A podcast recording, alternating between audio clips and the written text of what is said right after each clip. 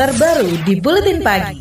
Laporan pelanggaran pemilu legislatif 2019 lebih banyak ditujukan kepada penyelenggara pemilu, baik ketika pemungutan suara maupun saat penghitungan suara.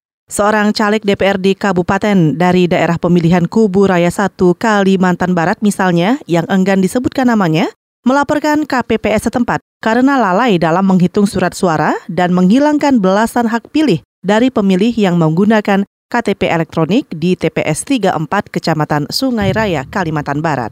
Ada kelalaian yang dilakukan oleh KPPS dan anggotanya tidak menghitung surat suara sebelum pelaksanaan. Di perjalanan proses pemungutan suara sebelum jam 1 terjadi kekurangan surat suara DPR RI. Ya. Tapi pemilih yang menggunakan EKTP ataupun yang lainnya dibenarkan oleh undang-undang, mereka kan sudah menunggu. Jadi surat suara yang kurang itu dilakukan proses mencari penambahan itu tapi tidak maksimal.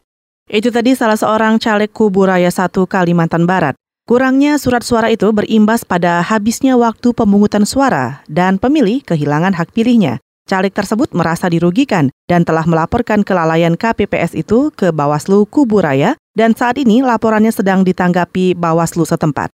Laporan ke Bawaslu juga dilakukan oleh Dewan Pemimpin Cabang atau DPC Partai Kebangkitan Bangsa PKB Surabaya yang menduga ada penggelembungan suara oleh salah satu partai peserta pemilu. Ketua DPC PKB Surabaya Musyafak Rauf menduga PDIP banyak menggelembungkan suara di beberapa TPS di kota Surabaya. PKB mengindikasi pelanggaran tersebut terjadi di 100 1.200-an TPS dan meminta agar Bawaslu merekomendasikan kepada KPU untuk melakukan perhitungan ulang.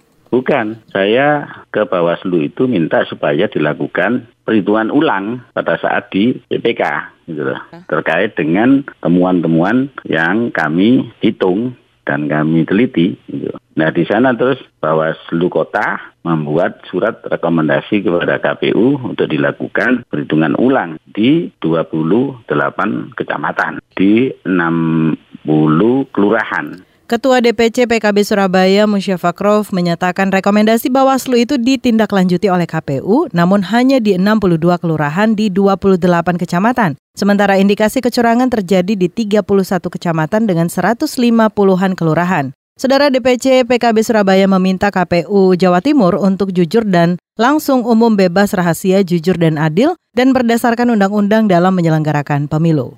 Sementara itu, Badan Pengawas Pemilihan Umum atau Bawaslu mengakui menerima banyak laporan terkait data yang tidak sinkron antar formulir C1 ketika pemilu legislatif 2019. Laporan terbanyak berasal dari Jawa Timur. Anggota Bawaslu Rahmat Bagja meminta masyarakat, calon anggota legislatif, partai politik, dan kedua kubu pasangan calon presiden untuk melaporkan dugaan pelanggaran pemilu 2019 sebelum rekapitulasi di tingkat KPU Kabupaten Kota. Dan sekarang saatnya untuk sebelum selesainya rekapitulasi di tingkat kecamatan. Dengan panitia pemerintah kecamatan sekarang lagi berjalan rekapitulasi. Oleh sebab itu, jika ada suara yang dianggap bermasalah, dibolehkan sekarang. Silahkan masyarakat melaporkan kepada Bawaslu, Bawaslu menyampaikannya nanti di rekapitulasi. Anggota Bawaslu Rahmat Bagja menambahkan hingga 22 April 2019, Bawaslu menerima sebanyak 7 ribuan laporan dan temuan pelanggaran pelaksanaan pemilu 2019. Jaringan Pendidikan Pemilih untuk Rakyat JPPR meminta KPU dan Bawaslu untuk proaktif dalam respon dugaan pelanggaran dalam pemilu 2019. Koordinator Nasional JPPR Alwan Olariantobi menilai respon Bawaslu selama ini lambat dalam menangani dugaan pelanggaran pemilu mulai masa tenang hingga rekapitulasi suara. Apalagi dugaan pelanggaran yang terbanyak justru ada pada caleg dan partai politik. Maka Bawaslu dan KPU satu harus memaksimalkan kinerja yang profesional walaupun dalam kondisi yang kelelahan. Kedua, terutama Bawaslu harus proaktif terhadap beberapa potensi-potensi pelanggaran harus lebih proaktif sehingga merespon suatu jenis pelanggaran harus segera direspon di publik, diklarifikasi agar tidak menjadi bias informasi itu yang mengakibatkan viral nanti uh, kepercayaan publik terhadap penyelenggara jadi tidak ada. Koordinator Nasional JPPR Alwan Olariantobi menyatakan di beberapa tempat bahkan ada partai politik yang mengintimidasi penyelenggara pemilu saat proses rekapitulasi C10 atau salah input. JPPR meminta pelanggaran pemilu ini segera ditindaklanjuti oleh penyelenggara pemilu.